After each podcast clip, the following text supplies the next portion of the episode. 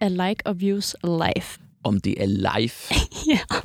Altså, jeg synes, det føles godt at få mange likes og mange visninger. Okay. Det gør det. Ja. Altså, jeg tror, hvis, hvis nogen siger, at det ikke føles godt, så øh, lyver de. Er I helt klar til at se det her? Oh my god. Min Instagram-profil er stor på baggrund af min persona. Velkommen til min første vlog i 2022. Tusind tak for 250.000 abonnenter. Det er vi sindssygt det er vi. På sociale medier er influencers blevet et stort fænomen. Så jeg har 55.000 følgere på Snapchat. Tak fordi I så med på den her video. Husk selvfølgelig at give den en thumbs up, hvis I godt kan lide den, og subscribe, hvis I gerne vil se mere. Hej! Din bedstemor samler på glansbilleder, men du ser Rasmus Brohave. Når man parkerer hele landets studievejledere og viser, hvordan man gør det bedre på 10 minutter, så kigger en halv million mennesker med. Han er Danmarks YouTube-yndling, Svigermor Strøm og dagens gæst i Like mig.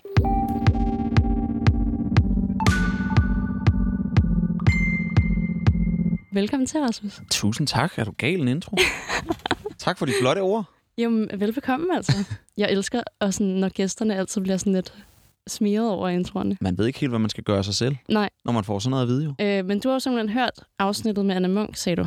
Det har jeg. Så du ved jo, at du skal igennem en, øh, en runde af nogle spørgsmål. Jeg ved, at nu bliver det alvor. Ja, det gør det. Mm. Er du klar? Ja, Så klar, som man kan blive. det synes jeg. Hvor gammel er du? Jeg er 24 år. Er du influencer?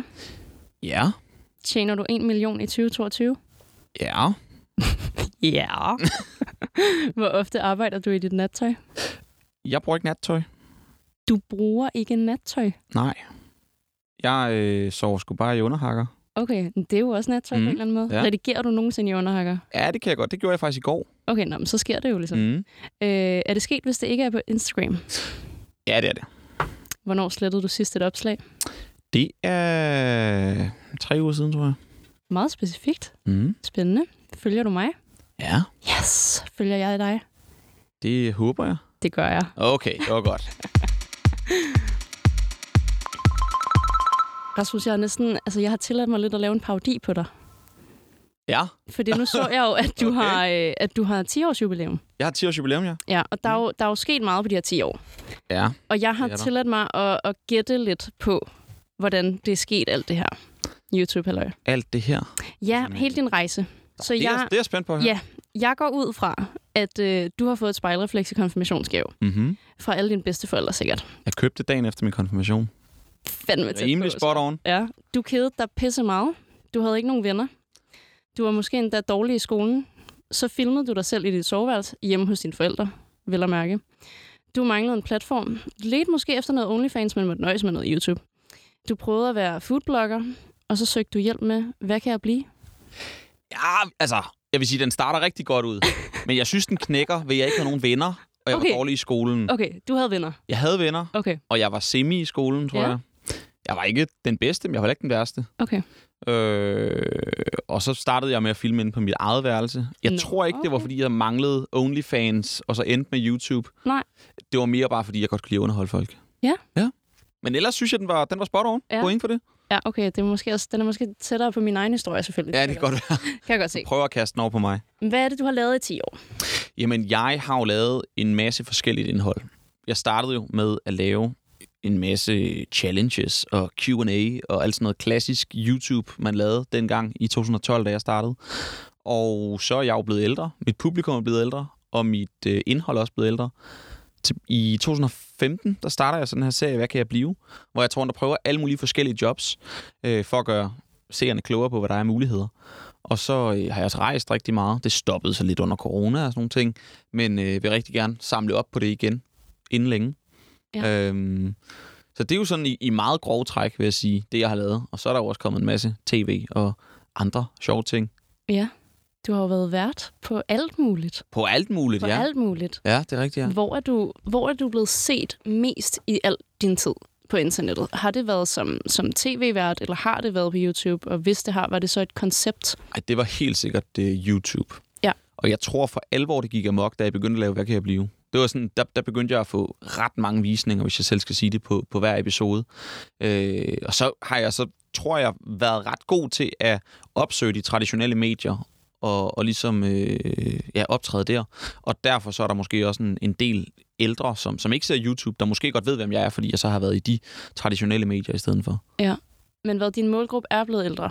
den er klart blevet ældre. Hvor, hvor gammel var den, da du startede? Da jeg startede, har den, der var jeg jo selv 14 år. Ja.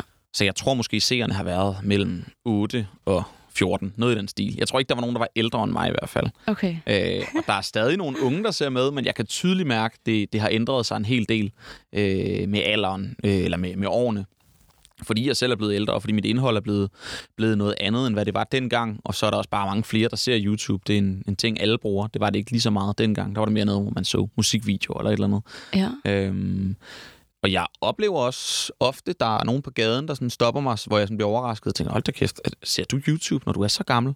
Nå, har sagt, øh, og hvis jeg går ind i mine statistikker på YouTube, jamen, så kan jeg også se, at den største aldersgruppe er faktisk 18-24 år, og ikke længere 13-17, som den var engang.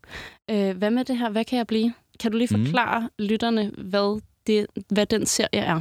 Jamen, det er en serie, hvor jeg egentlig kommer ud og er i praktik for en dag på forskellige arbejdspladser eller uddannelser. Det kunne for eksempel være hos brandvæsenet, eller politiet, eller hos en dyrlæge, eller hos en advokat, eller noget i den stil. Og så tager jeg egentlig seerne lidt i hånden og, og bliver guide, eller guider dem igennem sådan en hel arbejdsdag, som for eksempel advokat. Og så kommer jeg med lidt oplysninger om, hvad hvis nu man gerne selv vil være advokat? Hvad gør man så? Så det, det er egentlig sådan lidt public service-agtigt. Ja. Øh, meget øh, DR'sk, hvis jeg selv skal sige det. Ja. Hvad, hvad lå til grundlag for det? Hvorfor vil du gerne lave sådan en serie? Jamen, jeg tror, jeg var træt af, eller jeg ved, jeg var træt af, at der ikke rigtig var noget indhold, man sådan kunne lære så meget af. I hvert fald ikke på min kanal på YouTube. Det var mest nogle challenges og alle sådan nogle lidt tomme kalorier. Det var selvfølgelig underholdning, men det var ikke noget, man kunne, kunne lære noget som helst af. Og øh, jeg var træt af, at YouTube ikke blev taget seriøst hos den ældre målgruppe. Det var kun de, de helt unge, som så YouTube, der synes, det var fedt. Jeg var træt af, at der ikke også var voksne, der synes, det var fedt. Og så, øh, så gik jeg og snakkede lidt med mine forældre om, hvad fanden man egentlig kunne gøre. Og så var det en idé, som min, øh, min far han kom med, samtidig med, at jeg havde en kammerat, som, som også kom på samme idé, han har sagt. Og så øh, begyndte jeg at tænke, det kunne da godt være, man skulle gøre det. Og så lavede jeg første episode.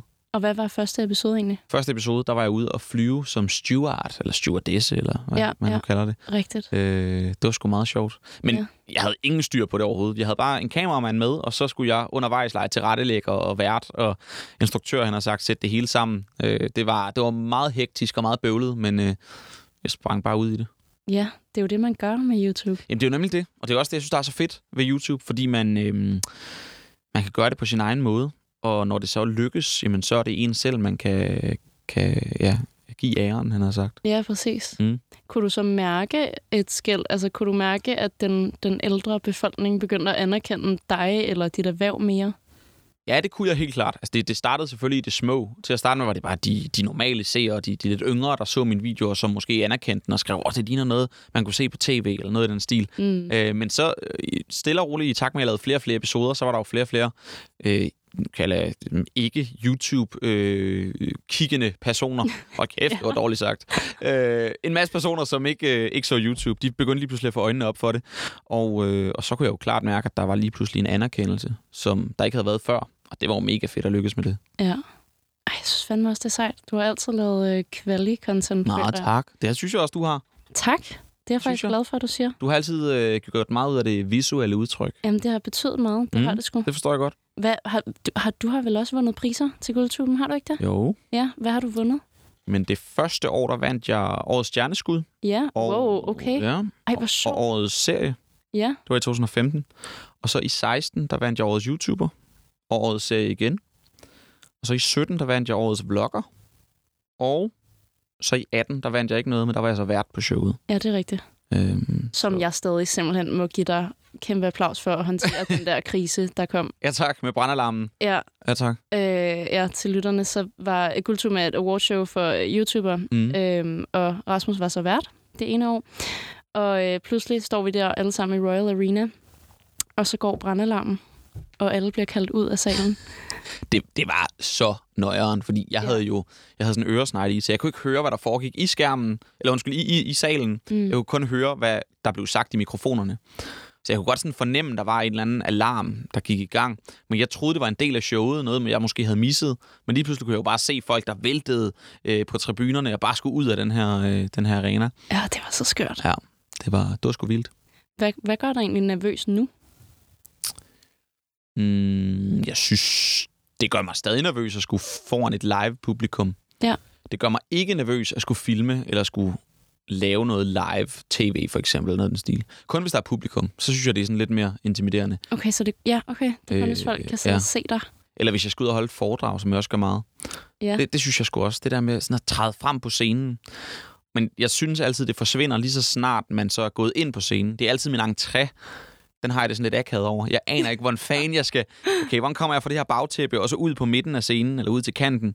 Jeg synes, jeg aner det aldrig. Nej, Jeg gør Ej. altid et eller andet åndssvagt løb og ind og vinker helt vildt, eller jeg aner det ikke. Et eller andet. Ej, det forstår jeg virkelig godt. Ja. Jeg var med i, øh, hvad hedder det, Heino Hansen har sådan et øh, live, øh, en live podcast, Ja. der bliver optaget ved Comedy Zoo. Mm. Og jeg kan ikke huske, hvornår jeg sidst har trådt ud på en scene. Altså sådan, det, det, det er virkelig lang tid siden. Og der tænkte jeg også det samme. Ja. Når jeg kommer ud der bagfra, hvad, hvad gør jeg? Går jeg bare ind, kigger ned i jorden, sætter mig ned og Jamen, smiler? Det er svært. Det er, Det er virkelig... svært. Øh, der har jeg et handicap i hvert fald. Jeg synes, det, det, er, virkelig, det er virkelig svært. Ja. Og da jeg var vært på Danmark har Talent, jeg synes, det var så svært til hvert live show. Den der entré, vi skulle lave. Ja. Og hver gang, der havde været et act på, så skulle vi jo gå ind igen. Så jeg skulle gøre det 10 gange i løbet af en aften måske. Ikke? Jeg kunne slet ikke... Øh, ja, det er svært. Og når man så... Der havde jeg en medvært, Cecilie Havgård. Nå, Så der skulle vi ligesom også time det og sådan noget, for nogle gange gik vi jo ind i hver sin side, og hun er jo bare model og vant til at være på, og catwalk og alt sådan noget. ikke? Jeg kunne slet ikke finde ud af det. Du gjorde det stadig godt. Nå, tak. Jeg så det rent faktisk. Fedt. Det er jeg glad for. Hvad for, et, hvad for et job har givet dig sådan flest sommerfugle i maven? Af alle de ting, du har lavet? Det tror jeg... Mm, ej, det, det, har været, øh, det har været guldtuben, da jeg var vært der. Ja. Fordi det var altså et, en så stor sal. Ja, det var kæmpe. Og så har det også været Danmark og Talent. Så det, ja, det har været de to. Men er det, er det det, du gerne vil? Altså, vil du gerne være vært? Jamen, altså, jeg havde jo på et eller andet tidspunkt en drøm om, at jeg skulle være tv-vært, og så var det det, jeg skulle lave. Og jeg kan også huske, da jeg blev ansat på, på Danmark og Talent, der, øh, der, der tænkte jeg, okay, nu har jeg sgu... I made it. Ja. Øh, nu, skal jeg, nu skal jeg lave det. Nu skal jeg ikke lave så meget YouTube. Og så da vi gik i gang med det, kunne jeg også hurtigt mærke, at jeg savnede faktisk YouTube-tingen. Fordi det var rigtig fedt at komme ud og have kollegaer og så videre. Men lige pludselig havde man også en chef, og det var en rigtig god chef, jeg havde. Men, men lige pludselig kunne jeg ikke bestemme tingene selv. Nu var der en, der skrev et manuskript til mig, som jeg så skulle levere. Hvor på min egen kanal, jamen, der kan jeg styre alting selv. Så jeg savnede lige pludselig at komme ind i maskinrummet på, på den måde, som jeg havde gjort før. Og så er der også bare noget fedt over at have lavet det hele selv. Ja. Så jeg tror, i fremtiden, der vil jeg bare rigtig gerne lave en blanding af de to ting. Så hvis man både i en periode kan lave YouTube, og så en anden periode kan lave tv, det tror jeg klart, det er drømmen for mig. Hvad har været, hvad har været bedst for din karriere at lave?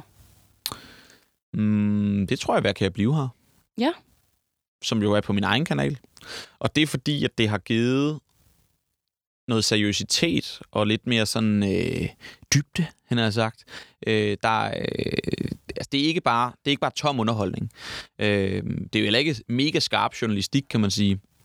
Men, men alligevel, så, øh, så, så er der sådan lidt mere substans i det, end, end så meget andet øh, af det, der, der har ligget på min kanal og ligger på min kanal. Øhm, så, øh, så det tror jeg klart, det er, hvad kan jeg blive. Og det er også det, jeg har fået mest ud af selv, fordi jeg har lært rigtig meget ved at komme ud og møde mennesker. Når jeg laver sådan en episode, så for det meste, så kontakter jeg dem selv. Nogle gange så har jeg sådan en agent, der gør det. Men øh, kontakter selv øh, de forskellige virksomheder eller personer, jeg skal ud og følge. Øh, laver selv kontrakter med dem, hvor vi ligesom, hvor de underskriver, at jamen, de vil gerne være med i det her format og så videre. Øh, alle sådan nogle ting. Øh, og tilrettelægger det jo selv og alt sådan noget. Så jeg har lært rigtig meget ved det. Hvad har, hvad har givet dig mest økonomisk? Mest økonomisk... Øh... Har det været en kampagne? Har det været en tv-værtsrolle? Ja, det, det, jeg tror, det er, det er min YouTube-kanal, der gør det. ja sådan og det... helt generelt. Ja, og det er jo det er på grund af sponsorater. Okay. Mm. Så hvad med reklamepengene for dig egentlig? Jamen, det, jeg synes, at reklamepengene er en ret lille del af min indtjening. Ja. Øhm, der er jo nogen, der tjener simpelthen så meget på reklamepenge. Ja. øh, og når jeg sidder og kigger på deres, hvis jeg lige får lov til at kigge i deres insights eller et eller andet, jeg får nogle gange et chok over det. Ja. Øhm, jeg ved så ikke, hvad de tager for sponsorater, øh, eller for sponsoreret i videoer og så videre, så det kan være, det går, det går lige op, han har sagt, ikke? Jo. Øh, hvis man sådan skal sammenligne hinanden og konkurrere lidt. ja. Men, øh, men, men det er klart, øh, det er sponsoraterne, der giver mig mest. Det er ikke de der reklamepenge. Der synes jeg sgu ikke, den ligger særlig højt. Ej, jeg har det på samme måde. Ja. Folk, der altid har været sådan meget overbevist om, at man tjener fucking meget på AdSense, mm. der er sådan, musse, nej. Nej, det gør man Nej, ikke. det gør man det gør man ikke. Så skal man virkelig, virkelig, virkelig have høje visninger. Mm. Altså virkelig. Ja, det skal man. Øh, hvor, meget, hvor meget spons har du lavet? Mm, jeg har lavet en, en, en- del, synes jeg. Øh, det startede jo ligesom ud i, i det små. Jeg gik på efterskole, da jeg lavede min første kampagne for et sodavandsfirma. Og hvor lang tid har du været i gang der? der havde jeg været i gang i tre år, tror jeg. Okay. Øhm, og det var jo en kæmpe succes at få sin første kampagne. Mm. Og så kom der mere og mere, og lige pludselig så blev det ligesom en, en fast ting, som man skulle gøre, hvor i starten gjorde man det bare for sjov. Der gjorde jeg det sgu ikke for pengene nærmest. Der gjorde jeg det bare, fordi der havde noget indhold at lave øh, med de her forskellige brands. Jeg fik selvfølgelig stadig penge, men det var ikke det, der sådan var det- fede, eller gevinsten for mig.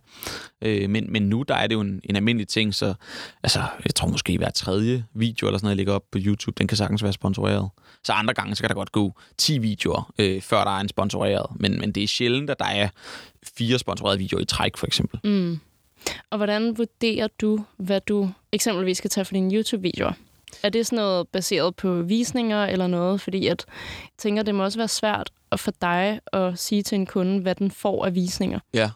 Jamen, jeg, altså, jeg har haft nogle, nogle, øh, nogle samarbejdspartnere, som ligesom har sagt, vi vil øh, kun betale dig for de visninger, som videoen får. Nå, sjovt. Men der har jeg også sagt, det kommer ikke til at ske. Fordi, altså nej, jeg kan, ikke, jeg kan ikke garantere, at den her video får så og så mange visninger, men det er stadig det samme arbejde, jeg har udført. Så selvfølgelig så skal jeg have det, det, det, det, det faste beløb, som jeg plejer at tage, han har sagt. Ikke? Ja. Øh, og hvordan jeg sådan sætter priserne, jamen jeg, jeg kigger selvfølgelig på, øh, hvad plejer min video i gennemsnit at få. Så prøver jeg sådan at sammenligne lidt med nogle andre, og så øh, kigger jeg også ligesom på, jamen, hvordan ser mit brand øh, ud sådan oppefra, hvis man kan sige det sådan samlet set, hvis man både lægger tv og alle sådan nogle ting sammen. Ja, true. Øhm, og der plejer jeg også sådan ligesom at køre prisen lidt op øh, på, på grund af det, uden at skulle, skulle sidde og gøre sig selv mega, mega fed. øhm, men, men det er skidesvært at prissætte sig selv, og jeg, heldigvis så har jeg en, jeg arbejder rigtig tæt sammen med, som, som er god til at hjælpe mig med det. Øh, men det er jo sådan en ting, man lige skal finde ud af. Og man skal også nogle gange lige revurdere, skal prisen sættes op nu, eller skal den sættes, vi sætter den ikke ned, men skal den sættes ned, eller vi sætter den kun op? Hvad er din gennemsnitspris? Det vil jeg ikke fortælle. Okay, fair mm. enough. Laver du nogensinde arbejde for sorte penge? Nej, det Nej. gør jeg ikke. Du har vel lavet masser af arbejde, hvor du ikke får løn, ikke? Sådan noget velgørenhed. Jo, det har jeg. Ja. Ja. Jo. Jeg laver rigtig meget for UNICEF og for Joanna-huset, som jeg er ambassadør for. Og der får jeg ikke en krone okay. overhovedet. Hvilke tanker ligger der bag det, når man takker ja til et arbejde eller en kampagne, hvor man ikke får løn?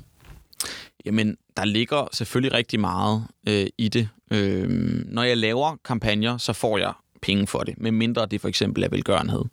Øhm, men, men når jeg laver sådan noget velgørenhed, så tænker jeg selvfølgelig på, okay, jamen, hvad vil det give mig, og hvad kan jeg bidrage med til den her fond, eller hvad ved jeg, der, der nu øh, der, der har brug, eller organisation, der har brug for min hjælp. Øhm, men det giver heldigvis mig rigtig, rigtig meget at arbejde sammen med, med de her to organisationer, fordi jeg føler, at, at jeg ligesom øh, bruger min stemme til noget fornuftigt, og, og det er sgu rart at kunne kigge sig selv i spejlet og tænke, jamen du, du gør det sgu meget godt. Du gør det ikke kun for pengene, han har sagt. Ja. Øhm, fordi det, det synes jeg, det, altså det må man selvfølgelig gerne gøre, men jeg kan bare mærke for mig, der betyder det meget at, at kunne bruge min stemme til sådan noget også. Hvad med... Øhm, jeg ved godt, at du ikke bliver betalt for det, men jeg tænker sådan, hvad med sådan noget som rejseomkostninger? Ja. Ja. Hvis der er noget Mm. i forbindelse med det, dækker de så det, eller skal du rent faktisk selv betale det? Øh, ej, det betaler jeg ikke selv for. Okay. Så hvis jeg øh, er ude at rejse med UNICEF, han har Ja. sagt, så er, det, øh, så er det dem, der ligesom tager den, kan man sige. Ikke? Alright. Ja. Ja, okay. Nå, men altid godt at blive klogere Ja, på ja, de ja. der ting. Mm. Nu skal jeg også til dig omkring Frankies. Ja, ja, det er rigtigt. Var det godt at lave? Jeg var glad for at lave øh, månedens pizza hos Ja. ja. Det synes jeg. Hvad puttede du på din pizza? Jeg puttede... Øj, nu kan jeg ikke engang huske det. Det, det, været noget, ja, det, var, det var i september sidste år, jeg gjorde det. Ja. Øh, der var, øh, der var stracciatella på. Lækkert. Ja, der var frisk salvie. Også lækkert. Der var, nu siger jeg det bare en random rækkefølge. Ja, ja, ja. Der var øh, små tynde kartoffelskiver. Mm, Der var mascarpone. okay. Der var lidt olie. Og der var noget øh, lufttørret skinke. Åh, oh, jeg skulle lige til at spørge dig, om du havde kørt en øh, kødfri pizza. Nej, det gjorde jeg faktisk ikke. Der var lige lidt skinke. Men jeg tror også, det var det eneste, eneste kød, der var på. Okay. Ja. Ja, okay. Interessant. Øh, ja. Og der, det var mega fedt for mig, selvom jeg ikke fik øh, penge for at lave det. Jamen, så, så var det nice, fordi jeg fik lov til at samle en masse penge ind ved at sælge de her pizzaer. Ikke? Hvad for en velgørenhed valgte du? Øh, jeg gav dem til Joanna-huset.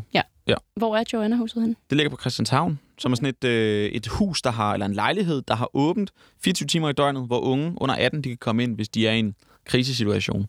Og det er et øh, mega hyggeligt sted at være. Man kan også ringe derind, hvis man ikke tør at møde op. Han har sagt, hvis det er lidt for, for sådan grænseoverskridende i første omgang. Gud, hvor Øh, skønt. Ja. Det er Danmarks, så vidt jeg ved, eneste øh, krisecenter for unge på den måde. Ja. Ja. Øhm, så det, er- det er et mega fedt initiativ. Og hvorfor har du et forhold til Joanna-huset? Jamen, det er fordi, jeg kender en, der hedder Emilie Lilja, som er influencer og DJ-type. Og hun er ambassadør for dem. Og så spurgte hun mig, om jeg ikke kunne tænke mig at komme op og sige hej til dem. Og så gjorde jeg det. Og det lå lige samtidig med, at jeg skulle til at lave Frankies. Og så tænkte jeg, at det er sgu oplagt. Og så samlede vi jo sådan noget 128.000, tror jeg, ind til dem. Nej, hvor sindssygt. Ja, det var dejligt. Hold da kæft, mand. Mm. Godt gået. Ja, tak.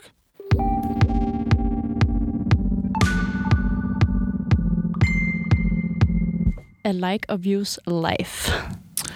Om det er live. ja. Altså, jeg synes, det føles godt at få mange likes og mange visninger. Okay. Det gør det. Ja. Altså, jeg tror, hvis, hvis nogen siger, at det ikke føles godt, så øh, lyver de. Det er nok en meget, øh, meget ja, Men, pæn måde at sige det på. ikke? men, det er ikke live. Okay. Altså, der er andre ting i verden her, der er vigtigere. Ja. Det synes jeg. Ja. Øhm, det, det er selvfølgelig så er det, så er det fedt, når øh, noget indhold, man har lavet, det bliver set af mange, og hvis det så får mange likes, jamen, så bliver det jo taget godt imod. Så det er jo bare, øh, det er jo et kæmpe kado. Ligesom hvis man skulle sælge mange billetter, så er det jo også fedt at gøre det. Gud, har du også lavet noget live? Det Jeg- blev, hvor du selv ja. har solgt nogle billetter? Jeg lavede, altså jeg har min foredrag, som jeg stadig laver, men ja. jeg havde på et tidspunkt sådan et, øh, et underholdningsshow, kan man vel godt kalde det. Det var ikke comedy, det var ikke foredrag, det var sådan en kombi af det, altså det var ikke stand-up, øh, som jeg kaldte internetstjerne, og så et spørgsmålstegn, fordi jeg stillede sådan et spørgsmålstegn ved det her med, jamen, er jeg en stjerne? Hvad fanden det her med at blomstre op på internettet? Og lige pludselig så bliver man til et eller andet, som, som, har man, altså, som, som man selv har gjort sig til, men som andre måske også lidt har gjort en til, og så videre. Øh, og det var jeg rundt i hele landet med i 10 byer, tror jeg. Og så var vi også på Færøerne som det 11. sted. Okay. Mm. Ja, jeg synes nok, der var ja. Et eller andet. Og det var jo mega sjovt at lave, men det var også øh, grænseoverskridende, fordi man en hel time skulle stå der, jeg tror det var en time og et kvarter eller sådan noget, skulle stå, bare være på og lave et show, og man skulle kunne et manus, hvor øh, når jeg laver foredrag, der er det lidt mere bare min historie. Der tænder jeg bare på en knap, og så, så kører det, han har sagt. ikke? Ej, jeg, jeg er fandme også dårlig til manus. Jeg har det jo sådan, alene nu, når vi sidder her, har jeg det sådan helt fucked over, at jeg har et manus på en eller anden måde, ikke? Jamen, jeg synes ikke, man kan mærke på dig, at det er manus. Tak, det er jeg Det virker som om, det kommer naturligt. Det er jeg glad for. Til gengæld, Så, tilbage til manuset. yes. Hvor meget tid bruger du på at planlægge dine videoer og dine posts? Øhm, Instagram gør jeg ikke rigtigt som sådan. Selvfølgelig nogle gange kan jeg godt, hvis jeg, det er en kampagne for eksempel, så er det nogle billeder, der skal tages i forvejen, og så skal det måske sendes til noget godkendelse med tekst og så videre, hvor man har sat billederne op. Men, men YouTube, der synes jeg, jeg planlægger ret meget. Øh, hvis jeg er inde i en god periode i forhold til at uploade meget, og være i et godt flow, man får optaget en masse og så videre, så kunne jeg godt planlægge sådan seks uger frem, hvor jeg ligesom ved, okay, jamen, onsdag filmer jeg, torsdag redigerer jeg, og så søndag lægger jeg op. Det var bare et eksempel. Og sådan kunne det være i, i en seks uger i streg. Øh, lige nu der er jeg inde i en OK-periode, øh, så jeg har her til de, til de næste par, par weekender. Øh, men ellers så altså, tager jeg det sgu meget sådan, at lige så snart jeg har optaget noget, så lægger jeg det op. Øh, det kan jeg godt lide, fordi så er det mere ægte, og så er der sådan lidt mere momentum i det. Ja. Øh, at det lige er blevet optaget, frem at de kan se, at det er et halvt år gammelt, det der. Betyder det noget, øh, hvilke dage man poster, og hvilke tidspunkter? Ja, det gør det. Det har jeg altid været meget opmærksom på, siden nærmest siden de tidlige YouTube-dage. øh, måske ikke fra, fra day one, men, men fra de der sådan 2014-15 stykker, der begyndte jeg at tænke rigtig meget over det. Øh, og jeg tænker altid over, okay, men hvornår ligger jeg selv med min telefon og stener? Hvornår kunne jeg selv finde på at gå ind på YouTube? Og så tager jeg altid et tidspunkt ud for det. Men ofte så er det sådan noget søndag klokken 10, jeg plejer at, at uploade, for der ligger de fleste bare i deres seng og koger. Har det ændret sig? Øhm, ja, jeg, jo, en lille smule måske. Og Ja. jeg tror, det er, fordi folk er blevet ældre, og folk har jobs og uddannelse og alt sådan noget. Øhm, så, så det har måske ændret sig en, en lille smule. Øh, men, men jeg synes også, især på YouTube, der poster alle på det samme tidspunkt. Ja, og jeg kan ikke finde ud af, om det er en god eller dårlig ting. Øh, nej, jeg ved sgu heller ikke. Altså, det er jo meget fedt, fordi så ved man, okay, så er der mange seere Ja, ja. øh, derinde lige nu, men så er der jo også flere om budet i forhold til de videoer, der er blevet uploadet. Så jeg ved det sgu ikke helt. Jeg tror på en eller anden måde, at det er en god ting. Ja. Altså, Jamen, for jeg, kan også måske. godt, jeg kan huske det fra dengang, jeg selv så YouTube. Altså sådan, også for, da, da jeg virkelig var aktiv på YouTube, så holdt jeg mig jo også opdateret på, hvad andre lagde op. Mm. Så hvis der var fem YouTubere, der havde postet en video søndag kl. 10, Ja. så så jeg jo dem alle sammen, Jamen, det gjorde jeg også. for lige at holde mig Så opdateret. satte jeg dem lige i kø. Ja, Ja, præcis. åbnede i nye faner. Ja, ja, ja. Ja. Yes, perfekt. Ja, og så nogle af dem spolede man lige lidt i, og så... Ja, ja. Man skulle bare lige... Man, Men du lige sagde, at dengang du så YouTube, ser du ikke YouTube mere? Øh, jeg ser i hvert fald ikke dansk YouTube. Okay. Men jeg har heller ikke... Altså, jeg tror aldrig rigtigt, jeg har set dansk YouTube sådan øh, lyst Det tror jeg Nej. har været sådan klart øh, øh, forretningsmindet. Ja. Ja, sådan at jeg lige skulle holde mig opdateret på, hvad folk Mm. gjorde og lavede, og inspiration Ja, og alt sådan Ja, noget. Ikke? Men ellers har jeg altid set udenlandsk YouTube. Ja. Jeg ser meget madlavningsvideoer og sådan. Madlavning? Ja, okay. Ja. Minecraft, det er også- Minecraft-videoer. Ser du Minecraft-videoer? Stadigvæk? Ja. Hold kæft! Det er OG-agtigt at se. Ser du YouTube? Øh, ikke så meget, som jeg gjorde før. Nej. Øh, nu ser jeg det mest, hvis jeg skal lære et eller andet. Ja. Hvis det, skal, det kan være, jeg skal lære noget med en ny computer, eller et nyt kamera, eller et eller andet. Ja. For en gang, der sad jeg også og så altså, alt dansk YouTube. Mm. Det gør jeg overhovedet ikke mere. Nej. Og jeg, det lyder som en forlitterklæring at sige, men jeg har slet ikke fingeren på pulsen i forhold til, hvem der er inde på YouTube lige nu i Danmark. Det Som føler i jeg sådan. Overhovedet ikke. Alle OG-YouTubere, de siger det der. Altså, nogle gange, og det har ikke noget at gøre med, at jeg ikke vil anerkende alle de nye, der er kommet til, for jeg synes, det er fedt, jeg synes, det er pis godt. Men nogle gange, så hører jeg lige pludselig om en eller anden dansk YouTuber. Jeg har aldrig hørt om vedkommende før, og så har vedkommende bare 200.000 subscribers. Ja. Og jeg er bare sådan, okay, den person er gået fuldstændig forbi mig. Øhm, men det er jo fedt, der er kommet mange til. Men Anna Munk er så ikke gået forbi dig. Nej, hende har jeg opdaget. Øh, og jeg synes, hun skiller sig lidt ud i forhold til mange af de andre. Altså man kan sige, hun vlogger meget. Øh, hvor rigtig mange andre sådan, YouTubere, der starter, så laver de alle mulige challenges og sådan noget. Sådan noget, det ser jeg sgu ikke rigtigt. Nej. Jeg kan bedre lide sådan noget livsstil og se, følge personer øh, på den måde. Hvorfor?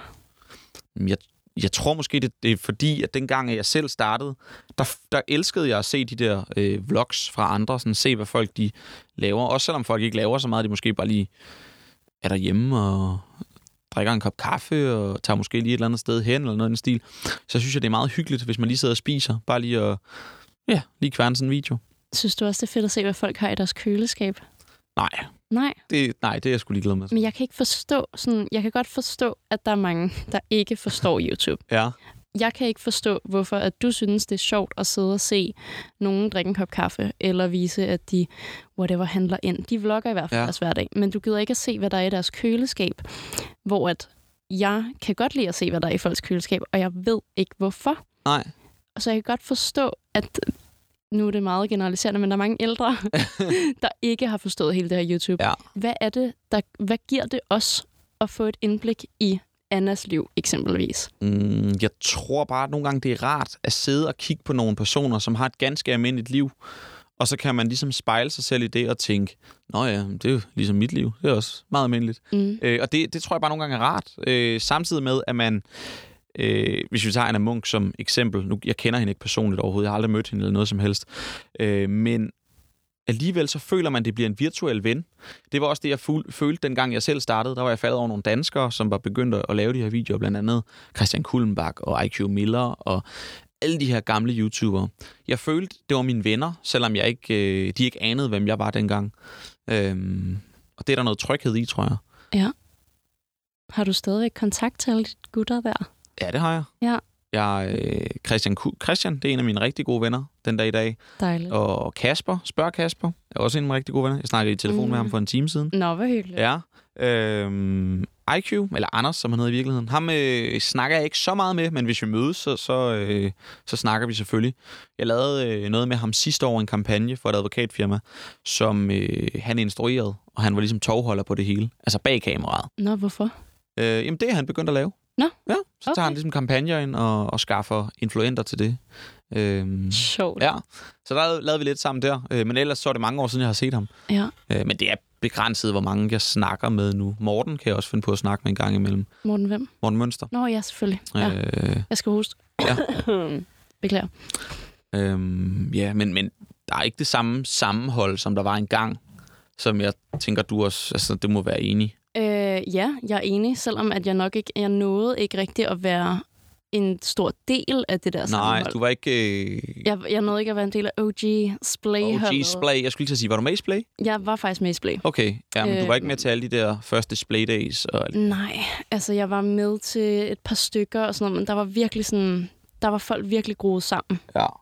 Dengang snakkede I om, at det også var en forretningsmæssig fordel for jer at være til det og lave videoer sammen. Det var det også. Og det var, jeg tror også, det var derfor, vi blev store ret hurtigt. Ja. Det var fordi, vi byttede ligesom følgere, hvis man kan sige det på den måde. Når vi optrådte i hinandens videoer, så huskede vi altid at sige, husk at tjekke vedkommendes øh, kanal ud og så videre. Så, så det gjorde vi, hverken vi lavede videoer sammen, så fik man de 3.000 følgere på en dag eller et eller andet. Altså det, det stak fuldstændig af i en periode. Det er så sygt. Ja. Oplever du stadig det? Er der nogle dage, hvor du kan være sådan, hov, jeg fik lige 3.000 følgere i dag? Ej, ikke 3.000. Nej. Øh, jeg kan godt nogle gange sådan være, hov, der fik jeg lige 200. Ja. Ja. Øhm, men det er jo ikke hver dag, det sker overhovedet. Jeg tror, at det har på en eller anden måde nået et limit. Ja. Eller også så er der et udskift på en eller anden måde, og derfor stiger man ikke lige så hurtigt. Hvor en gang, der altså, fik du kraftet med følgere konstant. Det var helt vildt. Det var så vildt. Ja. Jeg kan huske, jeg sad og fulgte med live, Ja, ja jamen, det ja, gør jeg, jeg var tæt på et eller andet gange. rundt. Ja, ja, præcis. Ej, det var så hyggeligt. Ja. Hvad er, hvad er den dyreste video, du har lavet? Den video, du har brugt, flest Åh. penge på? Det ved jeg sgu ikke. Øh... Det er et godt spørgsmål. For du har vel brugt penge på...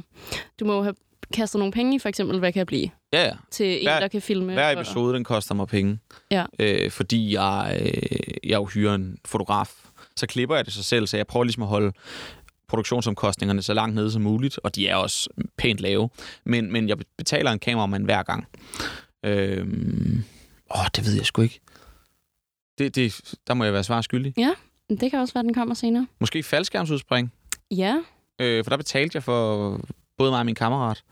Og jeg, altså, jeg tror, det kostede 7.500. Og det er mange penge, men det er jo ikke så mange penge, når man tænker på, hvis det er den dyreste video, jeg har lavet. nej, ikke rigtigt. Og måske endda, hvad der kommer tilbage. Ja. siden. Altså, det koster sgu ikke så meget at lave de videoer, som jeg laver. Nej. Mm. Hvor, hvor langt er du gået for en video eller et post?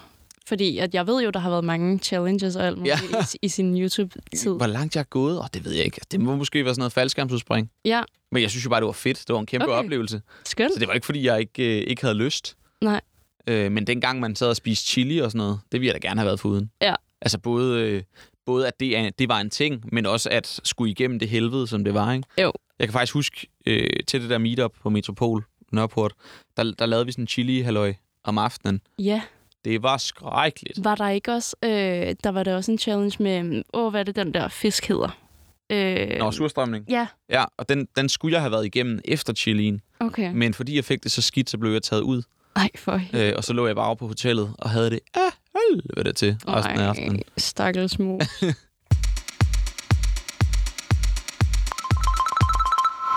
jeg har jo spurgt folk om at stille dig spørgsmål. Ja, det kunne jeg se i går. Ja, Ja, legenden kaldte jeg dig. ja det var sødt.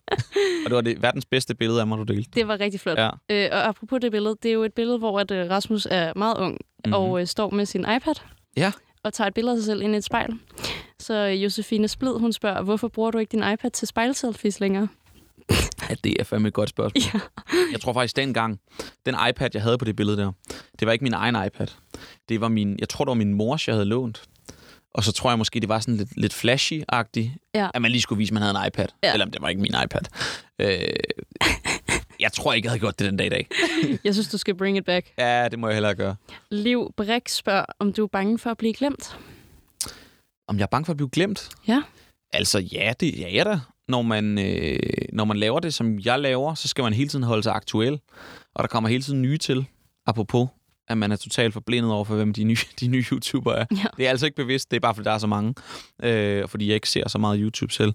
Øh, nej, men når man lever i selv at være, være, være på, og man skal hele tiden være aktuel og så videre, så er det da selvfølgelig en, en stor frygt. Men jeg er også sikker på, lad os sige, at jeg bliver glemt en dag. Det er jo ikke sikkert, at jeg holder 70 år på skærmen. Øh, jamen, så skal jeg nok finde på et eller andet at lave. Så har jeg lært en masse ved alt det, jeg har lavet, som jeg så kan bruge som et, et springbræt til at komme videre.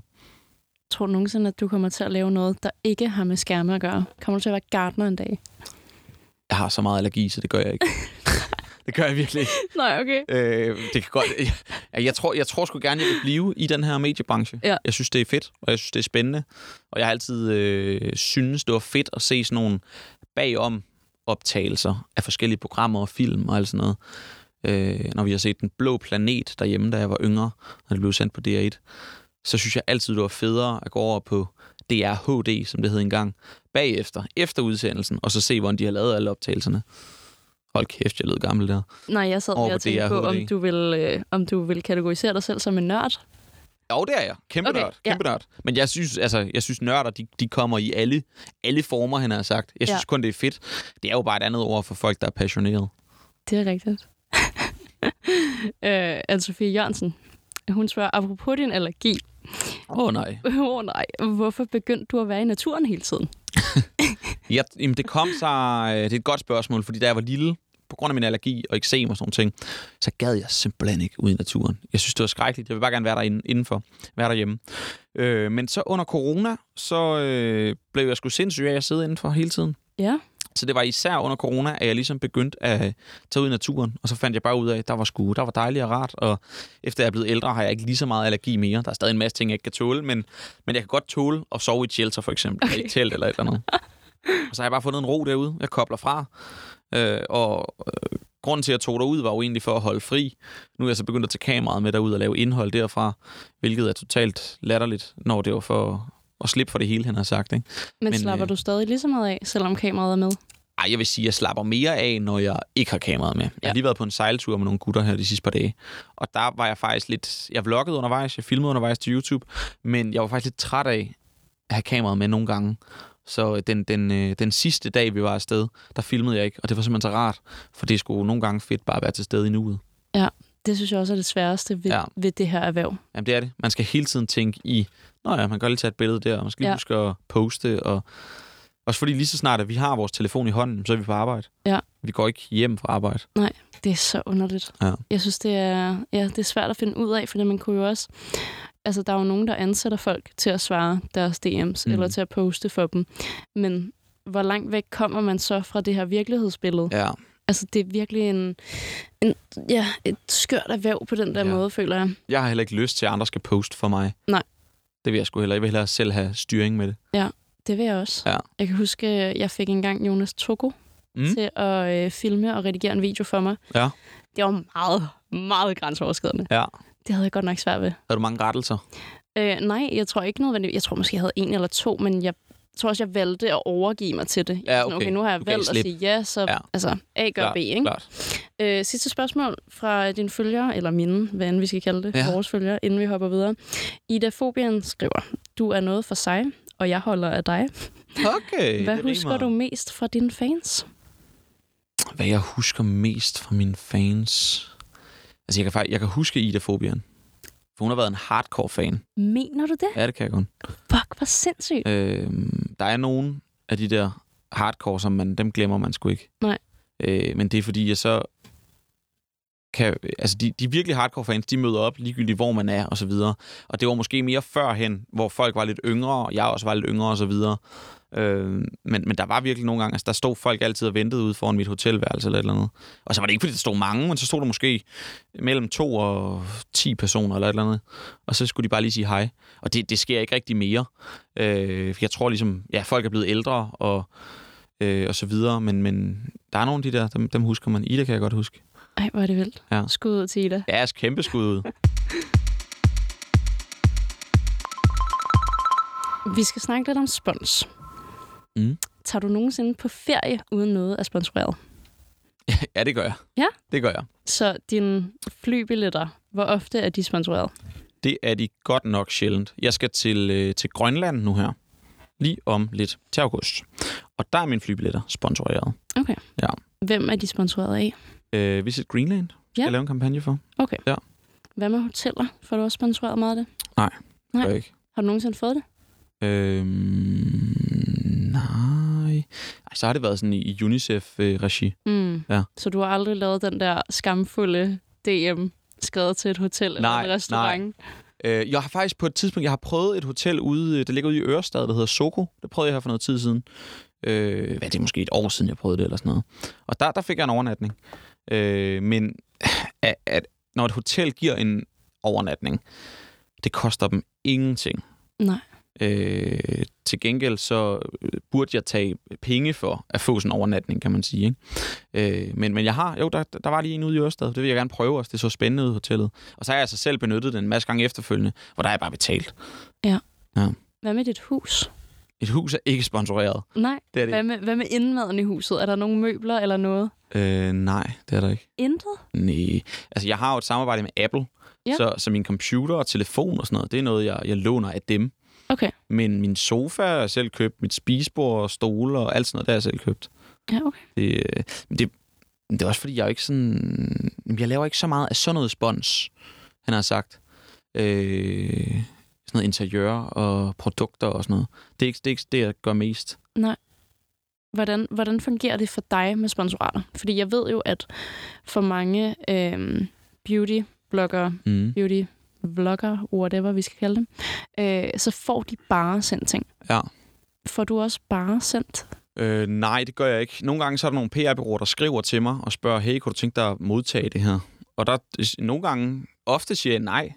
Øh, men det er også fordi, hvis jeg får noget og ikke får betaling for det, så skal jeg betale skat af det. Og hvis man ikke holder styr på det, så løber det lige pludselig op i rigtig mange øh, penge. Har du prøvet det? At få et eller andet skattesmæk, fordi du har taget imod noget? Øh, nej, det har jeg ikke. Jeg Nej. synes, jeg har været ret god til at oplyse det. Øhm, og har sådan sat mig ret godt ind i det. Jeg har sådan et hele Excel-ark, hvor jeg, sk- hverken jeg får et eller andet, så skriver jeg det ind. Og så oplyser jeg selvfølgelig det til skat. Øh, Fuck, hvor er du god. det er man jo nødt til. ja, det er man. Nej, nej. Ja, ja. Hvis man ikke ved det i forvejen, Mm. så håber jeg i hvert fald, at man ved det efter i dag. Du er jo meget dygtig til dit arbejde som influencer. Den vil du jo gerne eje, den Tak. titel. Det er jo faktisk altså, ret øh, glad for. Øh, altså, Øh. ja, ah, nu søs jeg lige dog. Hvad, hvad for en titel vil du helst have? Ja, nu sagde jeg godt nok det her med, eller i starten spurgte du, om jeg var influencer. Ja. Og sagde jeg ja. Ja, men Og det det er jo lyder som fordi- om, det gjorde lidt ondt på dig at sige ja. Ja, men jeg ved ikke, om det gjorde ondt, men det, jeg bruger ikke selv den formulering. Nej. Jeg siger altid, øh, altså hvis jeg siger det sådan i tale, så siger jeg YouTuber, nogle gange siger jeg tv-vært, altså som en, en kombi. Øh, men når jeg skriver det, så kan jeg godt finde på at sige content creator. Oh, du er, den, den vil du Jeg er også gerne. content creator. Okay. Men du kan også godt høre, når jeg så siger det. Ja. Jeg er content creator. Det lyder fandme ikke godt. Det er bedre på skrift. Ja, det er faktisk Ja. rigtigt. Øh, så det kommer an på, om jeg skriver, eller om jeg siger det. Ja, okay. influencer siger jeg ikke, men det er simpelthen fordi, at når man siger influencer, så, øh, så, så, så, så det bliver sgu... Jeg synes, det ord, det er, det er blevet lidt øh, mudret. Ja, Og det er blevet mudret, fordi folk har en masse fordomme omkring det, og det er det, jeg ligesom prøver at tage lidt afstand fra, selvom jeg også gerne lidt vil stå ved det. Øh, men det vil jeg jo så åbenbart ikke. Øh, nej. men hvis Men- folk siger, at du er influencer, så siger jeg bare ja. Jeg har det på samme måde. Mm. Men det er, det er faktisk præcis de her fordomme, jeg gerne vil snakke med dig om. Hvor, hvor ofte støder du på fordomme, og hvilke i så fald? Jeg synes ikke, jeg støder på så mange mere. Nej. Gjorde jeg mere førhen. Ja, Jeg her. synes, det er blevet en mere almindelig og acceptabel ting at lave det, som vi laver. Øh, altså sociale medier, lave indhold der. Men jeg tror også altid, jeg har haft den overbevisning, at jamen, det kan godt være, at folk ikke vil, vil, vil, vil anerkende det videre, men en eller anden dag, så kan de ikke komme forbi os. Så, så skal de tage stilling til os, han har sagt. Eller de skal i hvert fald, altså, de, de skal i hvert fald acceptere, at det er, en, det er et erhverv, og det er en ting, og det er noget, som rigtig mange ser, så er der nogen, der ikke gider at se det. Det er fair nok. Øh, der er også rigtig meget i verden, som jeg ikke gider at se på, men så lukker jeg bare øjnene for det. Øh, men, men jeg tror, de fleste fordomme, det er sådan noget med, at altså, vi er bare sådan nogen, der ikke kan noget, og vi er bare sådan nogen, der sidder og øh, får gratis ting, og så videre. Øh, tror ikke, de tænker over, at der er et, et Excel-ark i hvert fald, hvor man noterer, hvad man får. Det tror jeg. Men jeg får altså ikke så mange heller ting. Jeg, jeg, får ikke, jeg, jeg siger for det meste nej til alle sådan nogle produkter, fordi det, altså det, jeg kan ikke leve af at få sponsoreret en støvsuger. Nej, det betaler jo ligesom ikke huslejen. Nej, det gør det ikke. Er der noget, som øhm, folk går og tror om dig, som er helt hen i vejret? Sådan, jeg ved i hvert fald, at jeg nogle gange går ind på Reddit og læser om mig selv. Er du den type? Ja, det er jeg blevet i forbindelse med det her Må jeg give fucking dig et program. godt råd? Lad være. Lad være. Ja. Hold kæft, jeg lyder voksen. Ja, Men nej, men det er rigtigt. Da, øhm, hvad hedder det? Da Jodel eksisterede, Ja. der lå jeg være. Fordi Okay. det gjorde simpelthen for ondt. Nej. Altså, det var virkelig Findes ubehageligt. det ikke mere? Øh, jeg tror det faktisk ikke. Det er i hvert fald hele den der blogger øh, gossip-gruppe Ja. blev jo Ja. slettet, fjernet. Ja. Så nu er det på Reddit, det foregår. Ja, okay. Men jeg har jo været på Reddit i forbindelse med mange af de her interviews, mm. Hvor jeg skal undersøge mine gæster. ja. Så der kan jeg simpelthen ikke lade være at øh, få tilfredsstillet min nysgerrighed om. Så du har været inde og tjekke mig på Reddit? Ja, det har jeg. Det har jeg rent Kan jeg faktisk. tåle at høre det? Øh, jeg har ikke skrevet noget ned. Nej, jeg skulle til at sige, der er en grund til at lade være. Det er fordi, jeg kan jo ikke tåle at høre sådan noget. Jeg får det jo så skidt. Jamen, det gør folk jeg tror også. alt muligt om mig. Ja, det gør jeg nemlig også. Ja. Øhm, men det var det, jeg tænkte på, om der er nogen sådan ting, du oplever, det kan jo lige så vel være i din DM, Mm. som folk tror om dig, hvor du altså, hvor det lyder helt godnat. Nej, men jeg synes egentlig, jeg har været rimelig forskånet for det. Ja. Selvfølgelig har der været noget. Øh, jeg har hørt sådan noget med, at nogen synes, jeg er arrogant, når de sådan ser mig på gaden eller sådan noget. Men jeg, er jeg synes slet ikke, jeg er arrogant selv. Jeg er bare generet og introvert. Åh, Øh, jeg er usikker. Jeg er usikker på mig selv. I var en lille mus. øh, nej, jeg, jeg tror bare, jeg, jeg er lidt sky sådan for, for mange mennesker. Og det lyder åndssvagt, når jeg laver det, som jeg laver. Men jeg tror, det er fordi... Altså, jeg tror, jeg er blevet sky på grund af det, jeg laver. Øh, jeg har ligesom haft brug for at trække mig og være lidt mig selv. Fordi når man deler så meget ud af ens liv, som, som man gør, når man, når man laver det, som vi laver, jamen, så, så har man sgu også brug for nogle gange det at have nogle, øh, nu siger jeg nogle hemmeligheder. Det lyder sådan, som om man laver alt muligt, man ikke må. Men man har brug for, at øh, der, der også sker ting i ens liv, som andre ikke ved noget om. Øh, og derfor så tror jeg måske, jeg er sådan lidt... Ja, det kan ligne, jeg arrogant, hvis jeg går rundt på gaden. Men det er altså bare, fordi jeg prøver at gå i min egen verden, og øh, måske faktisk bare er generet. Ej, det kan jeg virkelig godt ikke genkende til. Mm. Jeg har virkelig også... Øh, jeg døjet meget med. Det er ikke noget, jeg har fået sådan øh, konstateret eller blevet diagnostiseret med. Men er rimelig overbevist om, at jeg i hvert fald har lidt af noget social angst på den Mm. ene eller den anden måde. Øh, og det er jeg også overbevist om, er forårsaget af det her erhverv. Ja.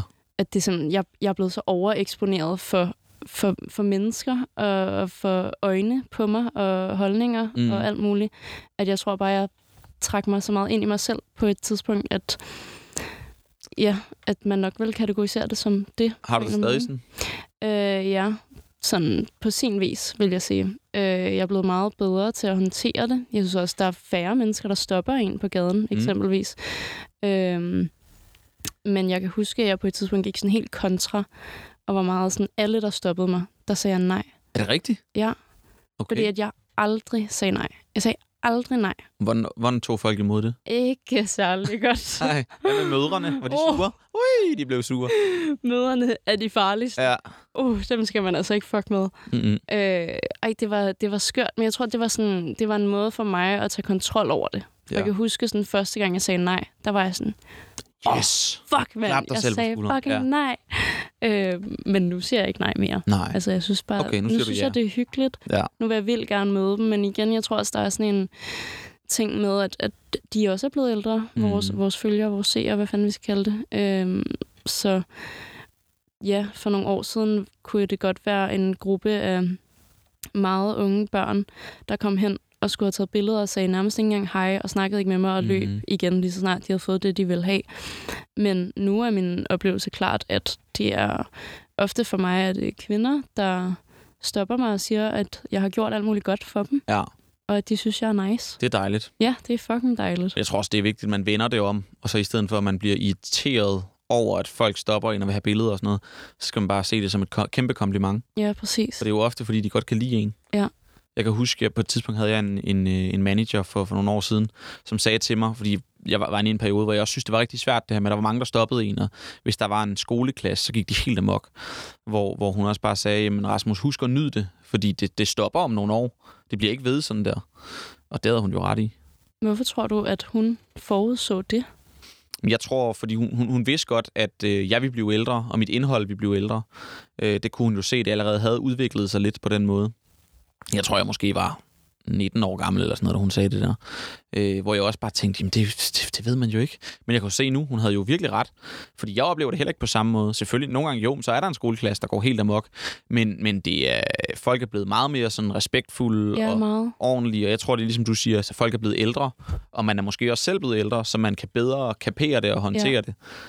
Øh, for jeg siger også altid ja, hvis folk de kommer over og spørger. Ja, præcis. Jeg Ja. synes, det er fucking hyggeligt nu. Ja. Øh, det er jo sjovt nok, at du lige vendte interviewet lidt om og spurgte mig, for jeg vil faktisk spørge dig, hvad du vil spørge mig om, hvis det her var din podcast. Tjener du en million i år? Uh, ej, det er faktisk et virkelig fucking godt spørgsmål. Øh, nej, det Nej. tror jeg ikke, jeg gør. Hvad tager du for en kampagne? Hvad tager jeg for en gang? Åh, oh, du er virkelig, du får min fucking puls op Hvad her. ved du mig? øh, hvad tager jeg for en kampagne? Det er jo faktisk det værste spørgsmål. altså, jeg svarede ikke, så det er fair, hvis du ikke har lyst. Nej, men jeg vil jo gerne svare på de her ting. Okay. Fordi jeg synes, det er fucking fedt at få Ja. skabt noget gennemsigtighed øh, i den her branche. Men jeg er nok ikke en af de værste mennesker at spørge om, hvad jeg tager for en kampagne. Fordi at for eksempel har jeg lavet Gorillas, Mm. hvor det var sådan noget, en story, en reel, et post, og det tror jeg måske, jeg fik 20 20.000 for. Ja, ja 18.000, det er rigtigt. Øhm, så på den ene side, så har jeg lyst til at sige, at jeg ligger omkring de der 20.000. Mm-hmm. Men igen, det afhænger fandme også af kunden og content og alt Ja. muligt. Øh, og mine tal er jo dalet fucking meget, fordi at jeg holdt en pause. Ja. Øhm, Kan, kan du godt finde på at, at justere din pris, alt efter hvilket brand det er? ja, Ja. ja, sagtens. Altså, hvis Dr. Martens kom og spurgte, om jeg ville lave samarbejde med dem, ville jeg være sådan, ja, det er gratis. Jeg skal nok selv købe støvlerne. Ja, jeg Ja. køber dem selv. Jeg gør det hele. øhm, ej, det har, det har klart været en snak mellem øh, mig og mit management, at, ja. Ja. at der er kunder, hvor man justerer det. Jamen, det, det går jeg også meget ind for, det her med, at jamen, selvfølgelig, man skal, man skal kun øh, reklamere for brands, du kan stå inden for, men nogle gange, så er der altså bare nogle, nogle, nogle samarbejdspartnere, som også vil styrke dit brand, ved at man arbejder sammen med dem. Lige Og præcis. så nogle gange, så kan det godt være, at man lige skal justere lidt, for at, øh, så at få dem med ombord. Ikke? Øh, Ja. Men så vil jeg nok gøre det sådan, at jeg, så, så giver jeg dem en startpris, som er relativt lav, og så ligesom også informere dem om, jamen, hvis vi skal fortsætte samarbejdet, og det er gået godt, så skal I selvfølgelig op og betale det, ligesom alle andre skal. Ja. Øh, men, men ja, om det er meget, meget sjovt at høre sådan. Ja. Det, det tænker du også. Ja, Ja. ja, ja 100 procent. Mm.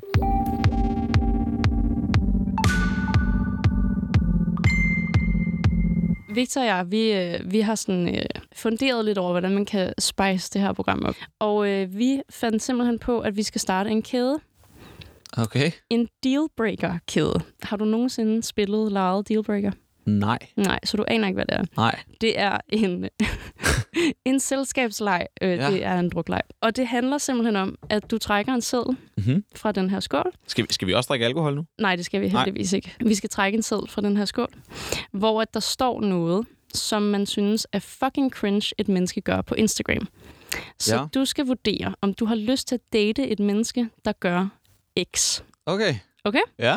Og øh, vi udsatte jo en regnhold for det sidste mm. gang. Og normalt så foregår det sådan, at man bliver ved med at tage til bunke. Så at hvis jeg bliver ved med at trække sædler, så skal jeg vurdere, om jeg kan date mennesker, der gør A, B, C. Okay. Anna, hun kvittede allerede efter de to, vi trak i går. Det var nok for så hende. vi må se, om, Okay. øh, om du Ja. kan gøre det mere. Nå, det er meget sjovt. Ja, prøv at trække en Jeg trækker en. og se, hvad der står. Sådan der. Skal jeg også trække en? Det kunne jeg jo godt gøre. Ja, jeg trækker også en. Skal jeg starte med at læse op? Ja, gør det. Har samme profilstil som mig. Ja, Altså, det må være samme, sådan, ja, samme stil, man kører. ja. Det, Det har jeg. jeg overhovedet ikke noget problem med. Okay, det, det jeg vil du godt kunne. Ja, det kunne jeg det er ikke en dealbreaker. Nej, slet ikke. Øhm, der står her, følger mange, men har ingen opslag. Så det, der er nu, det er, at vi dater, vi dater samme vi menneske. dater samme mennesker. vi dater et menneske, der har samme profilstil Ja. som dig, men følger virkelig mange, men ikke nogen opslag. Det går selvfølgelig ikke så godt hånd i hånd, men vil man kunne det? Altså, det, Nå, og jeg må ikke svare. Det er din. Jo, jo, du Nå, jeg må gerne godt. svare. Altså, det vil jeg da sagtens kunne. Det vil du sagtens kunne. Der er der ikke, der vedkommende behøver da ikke at poste noget. Fedt, så kører vi videre med den. Ja. Så må vi se, hvad næste gæst ender med at trække, om, øh, om kæden bliver brudt. Ja, selvfølgelig.